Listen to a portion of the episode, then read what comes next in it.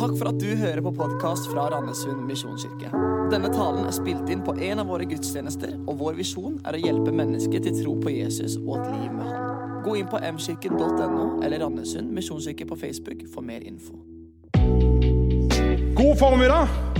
Det er en stor glede å få lov til å være her i Randesund misjonskirke. Veldig kjekt for eh, en som er flytta til Østlandet og endelig kom en tur ned til Sørlandet.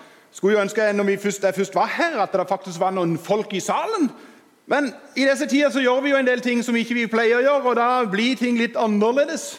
Så jeg tenker at vi ber en kort liten bønn om at dette som skal skje nå, går veldig bra. Jesus, takk for det at du er her. Velsign denne stunden og hjelp oss til å få dette til å gå på skinner. I Jesu navn. Amen. For noen uker siden så starta Jarle Rommundal opp med en taleserie som har blitt kalt for 'Da alt ble forandra'. Opp gjennom årene så har det jo vært en del sånne merkedager som har vært med å forandre tingene og ting sin situasjon. Vi hadde den dagen der skrekk og gru kom over Norge 9.4.1940, og krigen var i gang.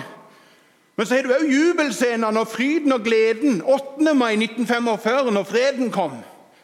Det er noen sånne store ting for Norge. Og så har du noen av disse her små tingene som gjelder oss som mennesker. Altså F.eks. For, for min egen del den dagen jeg gifta meg når første, andre og tredje barn kom. Og Just forleden så ble det en liten sånn endring for min del. Altså, Jeg våkna plutselig en morgen på sida ei bestemor. Og Heldigvis så hadde jeg òg blitt bestefar, og første barnebarn var et faktum. Og Det er jo sånne ting som gjør store endringer i et liv, til stor glede i tillegg. I verdenshistorien så er det et par hendelser som har virkelig satt fotavtrykk, og som er blitt det sånn før og etter. Det ene er når eh, Jesus blir født til jord. Valgte å bli menneske. Og Vi snakker jo til og med om at det er et sånn et før og etter at eh, Jesus ble født. Og så har du òg når Jesus valger, velger å gå lidelsens vei og la seg bli nagla til et kors, og han døy for oss, for så å stå opp igjen tredje dag, triumfere over døden. Og ikke ble det bare en forandring for de menneskene som levde akkurat da. Nei, den dag i dag så blir mennesker forvandla pga. den hendelsen som Jesus gjorde. Den dag i dag snakker mennesker om at Jesus forvandler de sine liv. Om du har med deg Bibelen der du sitter akkurat hjemme hos deg sjøl nå, så skal vi lese noen vers som, eh, der vi møter noen av disse som ble forvandla mens de gikk sammen med Jesus. Og som eh, jeg tenker at det er noen ting vi kan lære noe av for vår egen del òg. Etter gudstjenesten er ferdig, så syns jeg egentlig du bør lese både det kapittelet som jeg leser fra nå, gjerne kapittelet før òg. Vi skal ta Apostlenes gjerninger, kapittel 3. Og, eh, vers, eh, i, i, og vi skal være i kapittel 4, mener jeg. Eh, og vi skal, Den hendelsen vi skal inn og se på Jeg skal gi litt bakgrunnsstoff for han før vi på en måte leser tekster. For det som er skjedd, det er at Jesus er stått opp fra det døde. Han har vist seg for disiplene, han har reist opp til himmelen, han har sendt Den hellige ånd. Og Så begynner disiplene å gå litt rundt. Og To av de, Peter og Johannes, som vi skal møte i dagens tekst, de eh, møter en lam mann.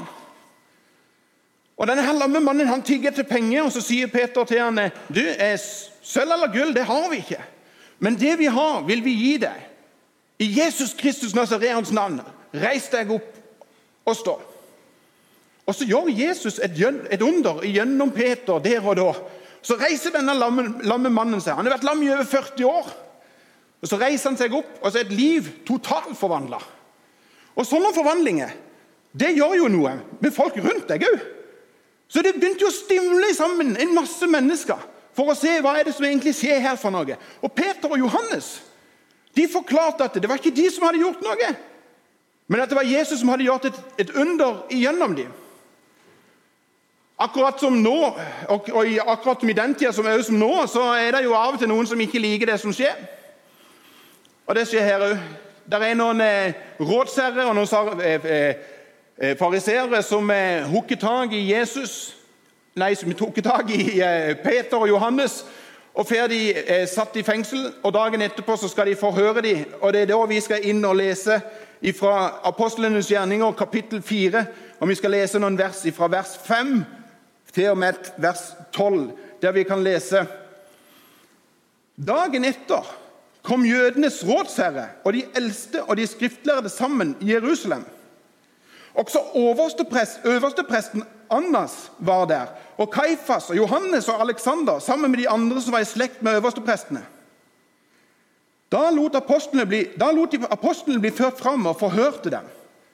Men hvilken kraft og i hvilket navn har dere gjort dette? Da ble Peter fulgt av Den hellige ånd og svarte dem, rådsherre og eldste i folket, når vi da blir forhørt pga. en velgjerning mot en syk mann, og blir spurt om hvordan han er blitt helbredet, så skal dere alle og hele Israels folk vite dette. Når denne mannen står frisk foran dere, er det ved navnet til Jesus Kristus, Nasareran, han som dere korsfestet, men som Gud reiste opp fra de døde. Han er steinen som ble vraket av dere bygningsmenn, men som er blitt hjørnestein. Det finnes ikke frelse i noen annet, for under himmelen er det ikke gitt mennesket noe annet navn som vi kan bli frelst ved. Hvis du har lest bitte grann i Bibelen, eller du har iallfall vært innom på en eller annen søndagsskole og fått med deg noen ting, så har du sannsynligvis hørt om Peter tidligere. Altså Hver, hver påske så eh, drar vi jo fram Peter og forteller om denne her disippelen til Jesus som eh, forrådte Jesus, og som fornekta han, og som eh, sa at han ikke kjente han, og han banna på det, og, og så gol han. Han som til tross for hva han sa, hadde faktisk vandra sammen med Jesus i tre år. Kalt Jesus for sin kompis. Og så plutselig så står han der og fornekter. Og så minnes vi denne her Peteren om igjen og om igjen hvert år. Og Når vi leser dagens tekst, så blir det jo sånn at jeg spør meg sjøl hva i all verdens land og rike er det som har skjedd med Peter og de andre? Hva er det som har gjort at de plutselig står der og taler frimodig og fryktløst om at det er Jesus som har helbreda, om at det er Jesus som har gjort et under?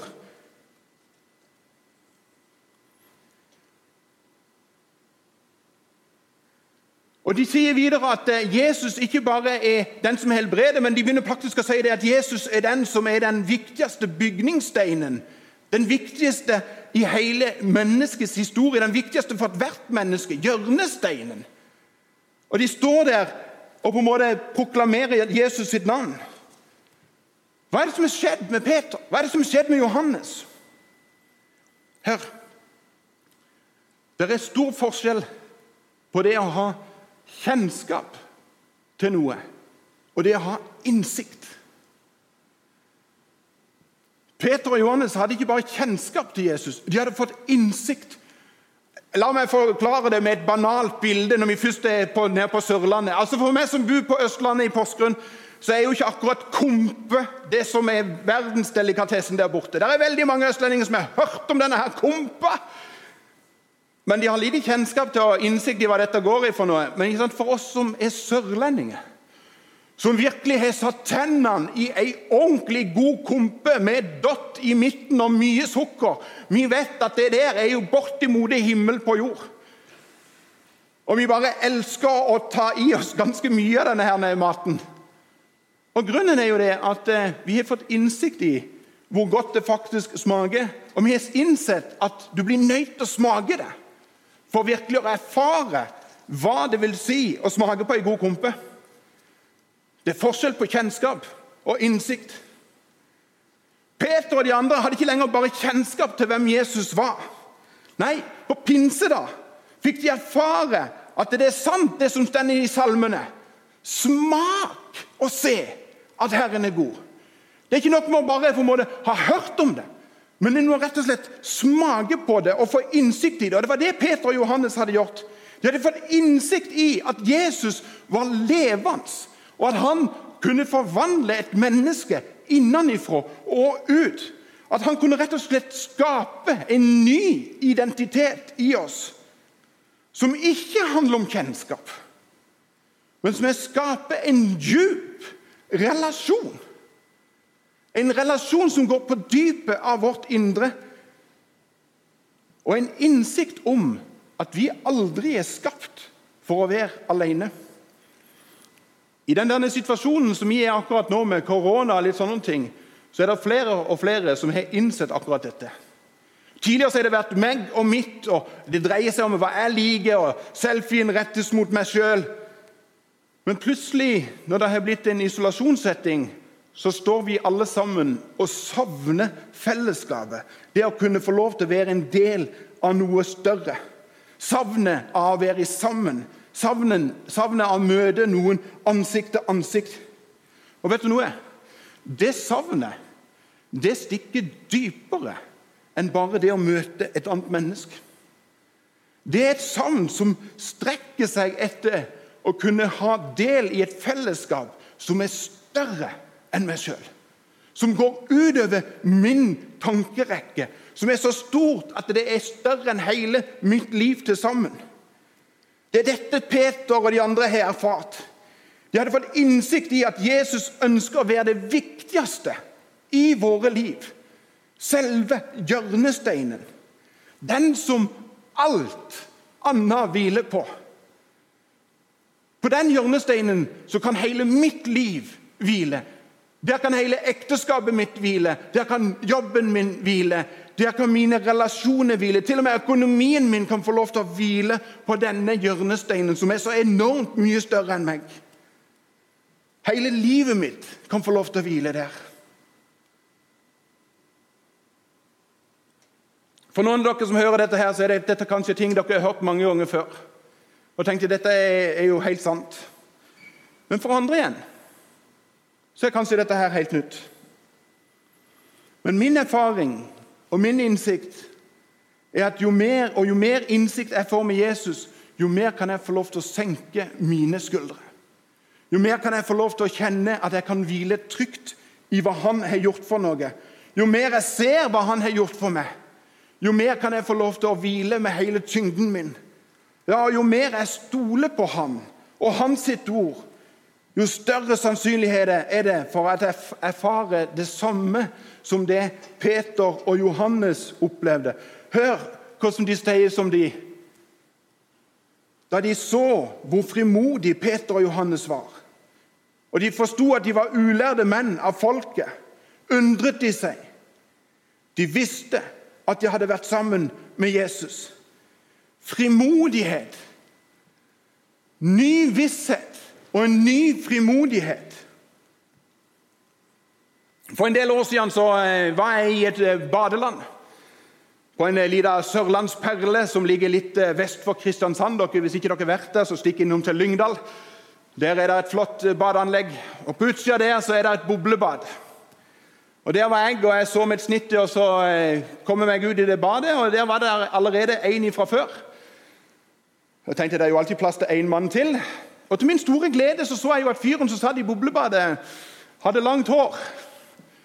Og Det er noe spesielt når to voksne mannfolk med langt hår møtes. Da er det som to treåringer som møtes. Det er et eller annet sånn, en kjemi som treffer med en gang.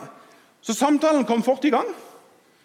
Og Jeg vet ikke hvorfor jeg vet ikke hvorfor han sa det, men eh, der satt han med sitt utrolig lange, svarte hår, utrolig mange kule tatoveringer. Og plutselig så plumser det ut av han, og så sier han bare så du vet det, jeg er satanist.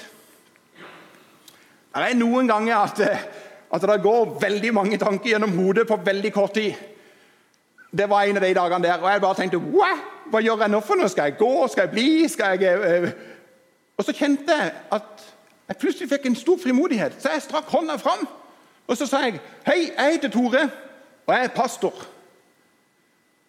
Og så starta en utrolig flott samtale.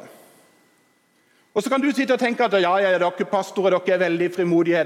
Dere er veldig frimodige. Sannheten er at eh, av og til så er vi det. Men av og til når det kommer til litt sånn i de nære relasjonene, da er det ikke alltid det går like greit. Det er ikke så lenge siden vi var en god gjeng med naboer samla hjemme rundt kjøkkenbordet vårt. Og Frimodigheten min gikk helt i kjelleren. Normalt sett så pleier jeg alltid å be en bønn eller synge for maten. Men akkurat der og da så ble det veldig stille og forsiktig. Gud signe mannen. Vær så god! Og så tenkte jeg da slipper vi at det blir noe spørsmål om noen ting i det hele tatt.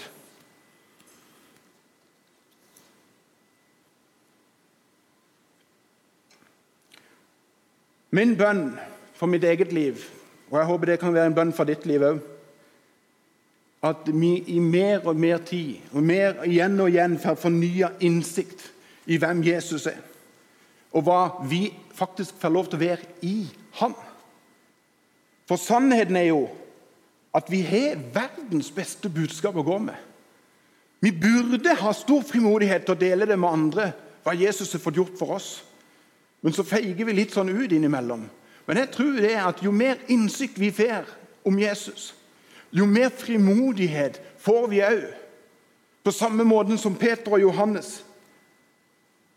For vi trenger frimodighet, for vi trenger hjelp til å dele det vi har fått. Frimodighet til å fortelle at han kan forvandle våre liv. Min bønn for mitt liv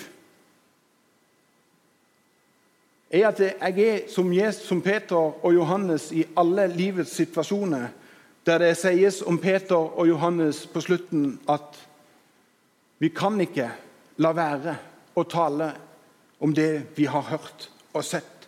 Vi kan ikke la være. Vi blir nødt til å fortelle det videre. Det er for stort at vi kan holde det inni oss. For vi har fått en ny identitet i Han. Så kanskje bør det bli vår lille bønn denne søndagen her.